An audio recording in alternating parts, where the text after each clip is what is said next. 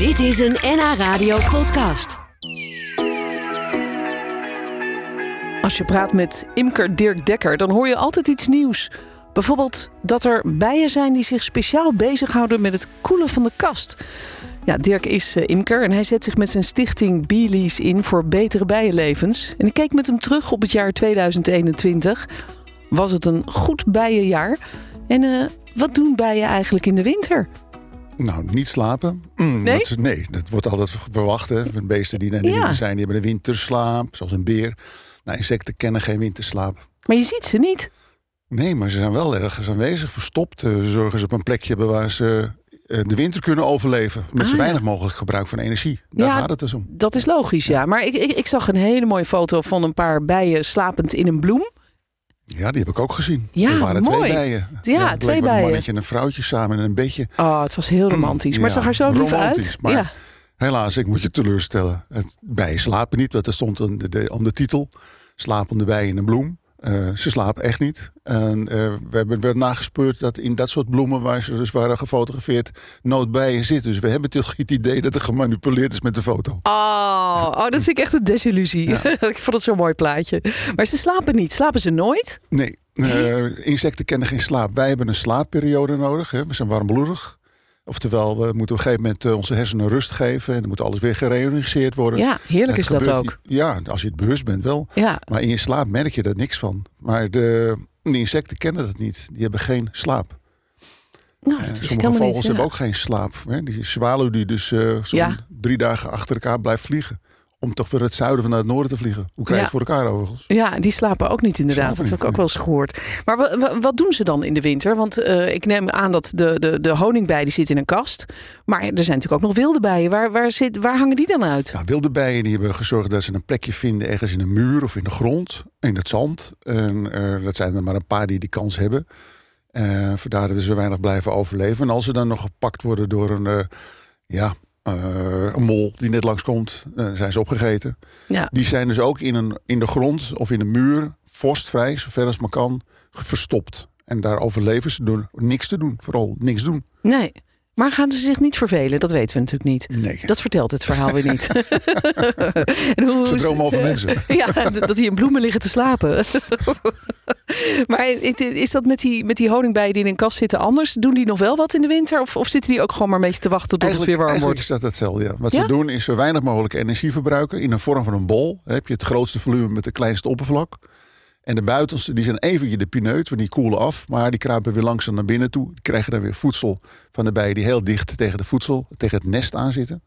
En deze periode, we hebben nu in de afgelopen dagen hebben we behoorlijk wat vos gehad. Dus de koningin is gestopt met eitjes leggen. Dus zeg maar nu eh, een dag of nog 19, 18 dagen en dan komt het laatste broed uit. En hebben ze dat ook niet meer te verzorgen. Dus dat scheelt heel veel energie. En eh, dus enige bijen die zijn bezig om wat voedsel te verzamelen uit de cellen die ze zelf hebben gemaakt. De wintervoorraad. Er wordt wat water hier en daar weggehaald om het te verdunnen. En dat wordt dan doorgegeven via hun tong. Van Ja. de ene bij naar de andere bij. Oh ja, dat is de gezamenlijke maaltijd, zullen we ja, zeggen. inderdaad. Een Her- beetje. En lekker herkauwen met z'n allen. Ja, Op de voedsel, op eh, suiker. Daar komt het eigenlijk via. En hier en daar nog wat pollen. ja. Dus we hebben proteïne en eh, de, de suikers. Ja, maar als het heel koud wordt, dan kan ik me voorstellen dat ze daar toch niet tegen bestand zijn. Jawel, ook al eh, nemen ze de dichter- suikers. Nog dichter op elkaar. Ja? Ja, dus die bol wordt steeds kleiner. Naarmate het kouder wordt, ga je steeds compacter. Dus die luchtlaag die tussen die bijen in zit, die voorkomt dat ze afkoelen. Heb jij dat wel zo van dichtbij gezien? Nee, want we gaan ze niet verstoren in de winter. Nee. Dat moet je dus nooit doen. Nee, want als je die kasten openmaakt, dan schrikken ze zich wild. En dan, Ja, ze Ja. zullen schrikken sowieso. Welk idioot teelt het dak eraf in de winter? Dus Ja. je bent je warmte kwijt. En je verstoort het broednest. Dus die hele reorganisatie die daarna moet plaatsvinden, die kan mislukken. oh ja. En dan zitten ze op een plekje waar ze net niet zaten. En dat kan wel eens zijn dat ze dan losraken van de tros. En dan heb je een klein plukje bijen die het niet overleeft. En je hebt bijen die dan niet meer de voedselplekken terug kunnen vinden. Nee, nee, dus dat Want is een ramp. onthoud je waar je voedsel zit? Dat is even de, hè, dat is de kunst. Ja, ja, want hoe doen ze dat? Ze, ze doen dat toch met een soort. eh, ze het aan met een soort dansje, toch? Nee, dat is in de zomerperiode. Oh, dat is in de zomer. In de winter zijn ze wel mee bezig om, om, eh, de, de plek waar de voedsel zit... om die heel langzaam van voor aan de kast naar achter in de kast... eigenlijk van heel laag naar hoog... Je zit echt spoor, zie je ook, van alle dekseltjes die dus weggeknaagd worden van alle gesloten cellen. zie je dus dekseltjes op de bodemplaat van zo'n bijenkast vinden. Die vind je ook terug. En aan dat spoor kan je zien ongeveer waar ze zitten. Oh, Belize heeft daar een hele nieuwe techniek voor bedacht. Nou, we meten namelijk in die bijenkast de temperatuur met elektrodes. Twee tiende graad nauwkeurig. En we kunnen dus precies zien aan de hand van de plek waar de elektroden zijn geplaatst... waar het broednest zich bevindt en hoe breed het nog is. ah, oké. Ja, dus zo hoef je niet de kast op te tillen en kun je toch een beetje kijken hoe het, hoe het gaat. Ja, en dat niet alleen, maar we kunnen daardoor dingen ontdekken. We hebben meer dan 60 kasten met deze meetmethode uitgevoerd. En dat noemen we onze beamers. En die eh, worden gemaakt door mensen bij ons bij Stichting Belize. En ontwikkeld en getest en uiteindelijk daar uitgezet in die bijenkasten. En daarmee kunnen we dus meten. En eh, er komen uh, fabelachtige dingen naar voren die zelfs niet in de literatuur beschreven staan. Oh, zo, dus zoals wat dan? Een van de dingen is dat eh, voordat een zwerm, je weet, heb ik vorige keer wel eens verteld, hè, bijen die, als je niet goed bijhoudt, dan komt er een zwerm af. En die eh, vertrekt uit de kast. En voordat die verdeling van zo'n volk eh, kan plaatsvinden, is er een, ja, zeg maar rustig, ze zijn wat opgewonden. Hè. Ze zijn behoorlijk in stemming geraakt. Ja, En dat betekent. overprikkeld. Ja, overprikkeld, ja. Ja. En wat ze dus niet gaan doen dan, is koelen. Je houdt het niet voor mogelijk, maar een bijkast moet gekoeld worden. Eh, ze zijn met Omdat er zoveel energie in zit Ja, er zit eigenlijk. zoveel al die, energie in, al die dus- beestjes. Ja, er zijn dus bijen die hebben een taak, dus wapperen. Met z'n achter, achter elkaar zitten en wapperen. En zo krijg je een luchtstroom die dus constant door die kast heen gaat. om De airco-bijen. Airco-bijen, ja. Ja, je noemt het populair. Waarschijnlijk misschien nieuwe bijennamen gaan bedenken. Ja, airco-bijen. Maar wat er gebeurt is dat die... eh, bij zo'n eh, die euforie die ontstaat in die bijkast gaat de temperatuur omhoog omdat ze niet koelen. En dat meten we direct al dagen van tevoren dat de temperatuur in die kast het stijgen is.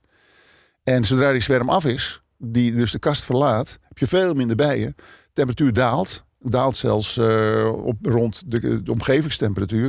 Dan zie je echt de piek die echt eh, naar beneden gaat. En na een paar uur herstelt zich dat weer. Want dan is, oh ja, we waren bezig met eh, bijen verzorgen en koelen Ja. van de kast. Ja, ja. En dat zijn degenen die dan thuis zijn gebleven. Nou, dit effect dat hebben we nog nergens kunnen terugvinden in de literatuur. Wat Dus we bijzonder. kunnen En, voorspellen wanneer die zwerm afkomt. ja, precies. En, en, en, en sowieso heb je weer iets nieuws geleerd over hoe ingenieus dat hele systeem is van, Ja, van de ja. bij in, zijn, eh, in zijn kast. Ja. En in hè, met zijn hele zwerm. En hebben jullie dat dan ook al even gemeld bij alle wetenschappers die zich bezighouden met eh, onderzoek naar de bijen en, en hoe ze Nou, leven? Je weet Want- waarschijnlijk wel hoe wetenschap werkt. Je moet eh, minstens bioloog zijn in dit geval. En, eh, Ja.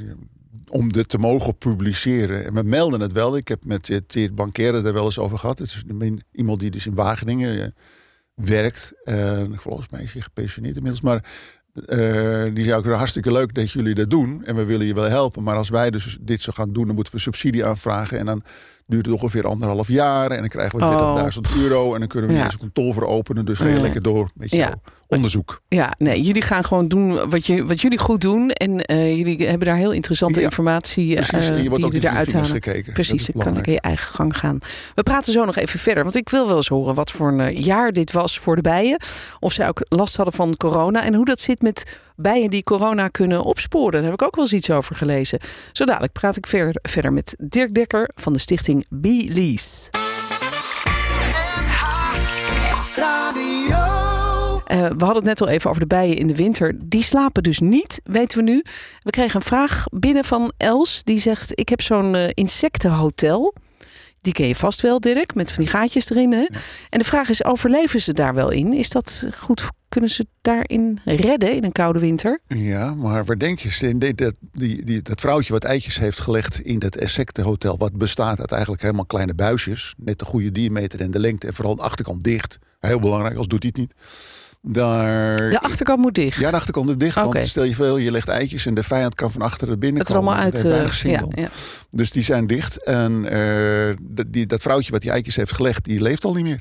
Oh, Dus de vraag over kunnen ze daar nog bij voor overleven? Jawel, want die eitjes die erin zitten, die larfjes die dus groeien, die overleven wel. ja. Oh, oké. Dus daar gaat het om. Die, die, die, die kleine eh, pukkeltjes, die larfjes, die overleven het. En Ja. eh, moederbij of vaderbij, In dit geval moederbij. in dit geval moederbij, Ja, ja. Is dus al dood. is al lang overleden. Nou. En de, de grap is dat eh, je ziet ook in het, als het voorjaar de zon erop schijnt, want daar het is een goede plek is, daar moet, de zon moet erop staan, anders werkt het niet. Oh, nog een goede tip. Ja, en- de zon erop. Ja, absoluut. In, naar het noorden richten van een eh, bijhotel heeft totaal geen zin. Oh, Je moet echt naar het zuiden. Oké, dus neem goeie. je kompas, kijk waar, je, waar de zon vandaan komt. Of kijk om 12 uur waar de zon staat. Dat Ja. werkt ook wel. Ja. Dan weet je waar de, waar de kast moet hangen. ja, maar je moet hem dus juist niet in de schaduw hangen. Niet in de schaduw, Oh. want werkt het niet. Dan wordt het niet warm genoeg. Want dat is dat, het broeden, zit je weer, niemand ja. broedt, er zit geen kip op. Nee. Het moet de zon doen. Ja. Ja. nee, zo is het ook. Net als bij kippen, inderdaad. Hey, wat, wat was 2021 voor jaar voor de bijen? Want we kijken een beetje terug, hè, omdat het natuurlijk bijna oud en nieuw is. Hoe, hoe was het voor de bijen? Gaat het inmiddels iets beter met ze? We horen natuurlijk al jaren dat het slecht gaat met de bijen. Ja. Heeft corona goed gedaan voor de bijen? Omdat meer mensen zich zijn gaan interesseren voor ze? Ja, maar Of- er is een afgeleid natuurlijk van of de Bijbel goed eh, wordt behandeld. Eh, over het algemeen zien we dat eh, in al die jaren de honingbij, want daar hebben we het natuurlijk over, eh, eigenlijk niet in aantal niet vermindert, wel in sterkte van het volk. En dat heb ik over, eh, over levenskansen. Kijk maar om je heen, hè, er, valt weinig te eten voor bijen. Die hebben het echt nodig van bloemen. En als je maar niet genoeg bloemen en, bloemen, eh, bloemen en bomen plant waar bloemen aan kunnen groeien, beetje moeilijk allemaal, maar dat betekent dus dat je daar ook niks kan van eten. Nee. En dat is jammer dat dat steeds minder is. En eh, wat is het goed een jaar geweest? Eh, nou, er is heel veel aandacht besteed aan eh, insecten en natuur in het bijzonder. Hè, kijk, onder andere wat je ziet bij uh, allerlei radioprogramma's uh, op zondagmorgen. Uh, Ja. Nou, vind je overal mensen Ja. die dat interessant vinden. Maar Ja, de belangstelling voor de natuur is groter Ja, geworden, lijkt het door de coronacrisis. Mhm. Maar misschien niet de manier waarop we er dan mee ingaan. We gaan misschien ook wel weer iets te massaal de natuur in op zondagmiddag. Het is altijd hol of stilstaan. En eh, de bedoeling is dat we langzaam blijven doorlopen in de goede richting. En dat zie ik dus niet gebeuren. Eh, dat moet opgepikt worden, want nu hebben we de aandacht. Hè. Het momentum is er, je kan dus nu wat gaan doen. En dan zou je dus nu eigenlijk moeten gaan aankloppen bij gemeentes van... wij willen een bloemenlint. Ja. Of iets in die richting. Nou, mooi. En dat zou het moment van nu zijn. Dus, ja, die zijn nu allemaal in slaap natuurlijk. Hè. De gemeenten zijn allemaal gesloten. Maar echt half januari kan je weer terecht bij het gemeentehuis... en vragen, wat doen jullie eigenlijk het groen? Ja, ja dat goed is nou idee. massaal gebeurd. Hoeveel gemeentes hebben we in Nederland? 536 meen ik? Zoiets, ja. Ja, ja. Nou, dan moet het op behoorlijk effect geven. Ja, dus nou, als wij nou even al onze luisteraars vragen om gewoon in het voorjaar, of een beetje op tijd, misschien eh januari, maart, gewoon twee voor januari. Gewoon januari. Klop, als klop goed de voornemen, Ja. even een mailtje sturen naar de gemeente of daar op de stoep gaan staan en zeggen: jongens, wij willen zo graag bloemenlinten voor de bijen. En misschien helpt het. Ja, dat gaat ook zeker gaat dat helpen. Ja, Dat is het. en dan niet maaien in het najaar. Dat is ja, ook heel belangrijk. ja, dat is natuurlijk lastiger te bereiken. Want dat hoor je vaak, hè? dat de gemeente dan zelf wel een bloemenlint aan, eh, aanlegt. En dan wordt het najaar en dan gaat diezelfde gemeente daar weer met een grote Ja. maaimachine Nou, de overheen. meeste gemeentes die geven opdrachten. En dan wordt het opdracht via, via, via doorgestrekt. Ja. En ja, we hebben het goed bedoeld. Maar er is echt een maaimachine langs gegaan. Die heeft nu alles weggehaald. De Ja. bedoeling was de berm.